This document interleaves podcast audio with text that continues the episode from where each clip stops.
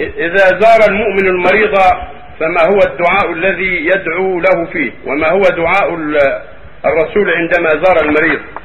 لما زار المريض له طهور إن شاء الله. يقول طهور إن شاء الله ويدعو له بالرحمن والعافية والشفاء. هذا المشروع. إذا زاره يدعو له بالعافية والشفاء.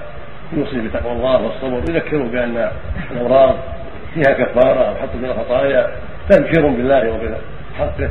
ويدعو له بالعافيه والشفاء وأن يكون مرضه طهورا وتكفيرا.